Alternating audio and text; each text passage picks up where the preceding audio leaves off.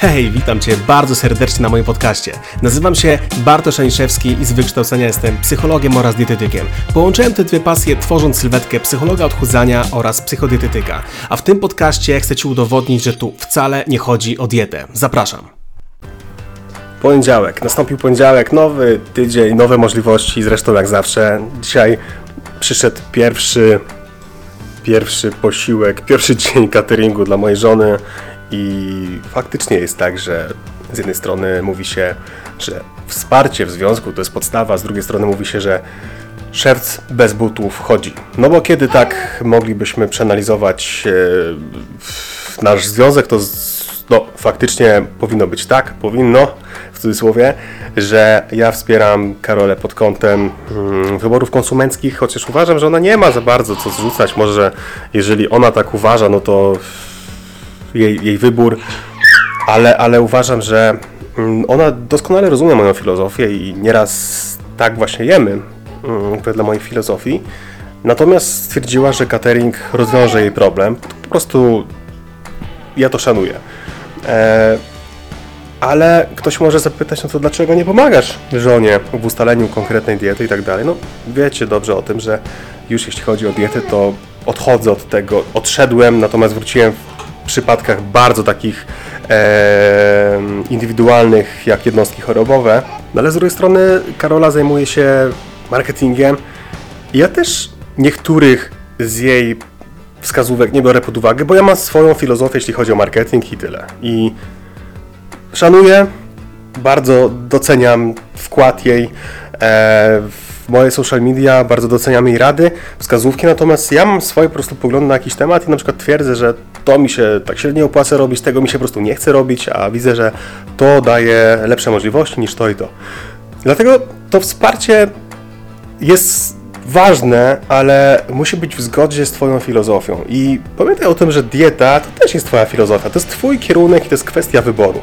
To jest filozofia oparta na wyborach, na racjonalnych wyborach. I za każdym razem, kiedy sięgasz po dany produkt, zawsze możesz sobie odpowiedzieć na pytanie, po co to dokładnie robisz? Po co sięgasz po dany produkt? Czy po to, że chcesz go zjeść, bo po prostu masz ochotę i bez wyrzutów sumienia zbędnych później po zjedzeniu wyłączysz ten produkt swojego życia, czyli po prostu jesz kawałek sernika, bo masz ochotę, bo lubisz, zjadasz, koniec, kropka, wyłączasz to ze swojego życia i dalej idziesz w życie, czy wyrzuty sumienia nie pozwalają Ci odejść od tego sernika? I w momencie, kiedy jesz sernik, no to pojawia się lawina myśli negatywnych, że cholera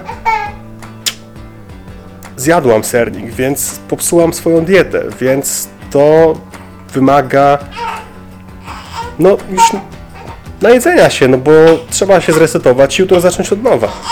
Faktycznie jest tak, że jemy pod wpływem negatywnych emocji, ale z drugiej strony jemy też pod wpływem pozytywnych emocji.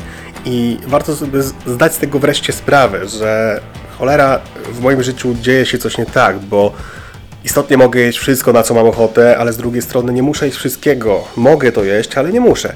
I łapanie się na tym i zrozumienie tego procesu daje mnóstwo możliwości, ponieważ jeżeli usuniecie tego typu przekonania i będziecie w zgodzie z własną filozofią diety, własną filozofią jedzenia cisnąć, to gwarantuję Wam rezultaty. Więc ta sztuka wyboru będzie miała tutaj kolosalne znaczenie.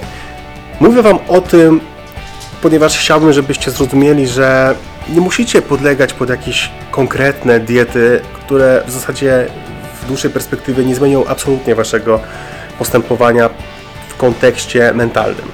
Czyli jeżeli będziecie na cateringu, a zajadacie emocje od dłuższego czasu, choć zawsze czasami tak bywa, to nic to nie zmieni. Schudniecie, ale jesteście dalej tymi samymi osobami, z tymi samymi problemami. Więc to musicie usunąć ze swojego życia. Te przekonania, które wskazują na to, że na autopilocie działacie w kontekście e, wyborów konsumenckich.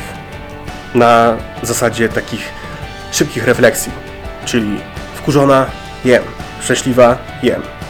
Co możesz zrobić, jeżeli jesteś osobą, która lubi celebrować swoje wyniki, albo nauczona jest celebrować i czasami uczcić lubi swoje wyniki. Możesz na przykład założyć sobie coś takiego jak dziennik e, małych sukcesów. Mój własny dziennik sukcesów. Ja coś takiego prowadzę i jestem z tego mega zadowolony. Ten mały dziennik sukcesów powoduje, że celebruję każdego wieczoru moje małe, małe osiągnięcia, czyli na przykład udało mi się przeprowadzić dzisiaj kolejne fajne konsultacje, kolejne, kolejne osoby zostały zmotywowane i zarażone pozytywnym po prostu podejściem do tego tematu zwanego odchudzaniem, że udało mi się na przykład, nie wiem, zrobić w domu trening, udało mi się zadbać o swoje ciało, jedząc fajnie, e, ruszając się, e, regenerując swoje ciało, na przykład nie medytując czy wysypiając się, mając jakieś drzemki, mając e, na uwadze to, że czasem jestem jak każdy zresztą, może nie każdy, jak większość z nas, osobą, która nie lubi wystawiać się na próbę konfrontacji z bólem, takim nawet psychicznym. Czy na przykład, jeżeli biorę prysznic, to gdyby tak ten kureczek trochę poszedł na zimną, na zimną wodę, to nic by się takiego nie stało, a forma taka delikatna morsowania na pewno by tutaj zadziałała, więc na przykład coś takiego. Ale zacznij pielęgnować po prostu siebie, zacznij łapać na tym wewnętrznym krytyku i zacznij te wybory konsumenckie tworzyć w zgodzie z własną filozofią. Bez zbędnego analizowania, czy możesz to jeść, czy nie możesz. Bo przecież jeżeli, chociaż to jest ekstremalny przypadek, podejrzewam, ale jeżeli zajadasz swoje negatywne emocje warzywami, to też możesz przytyć. Więc nad tym warto w mojej opinii popracować. Pozdrawiam Cię serdecznie. Trzymam jak zwykle za Ciebie kciuki. Hej!